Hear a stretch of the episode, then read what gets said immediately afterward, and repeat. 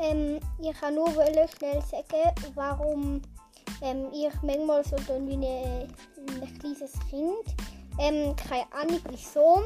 Da ist irgendetwas mit meinem Mikrofon stimmt etwas nicht und deshalb töne ich wie ein kleines Kind. De, aber dabei bin ich schon 8 Jahre. Also davon bitte nicht stören lassen.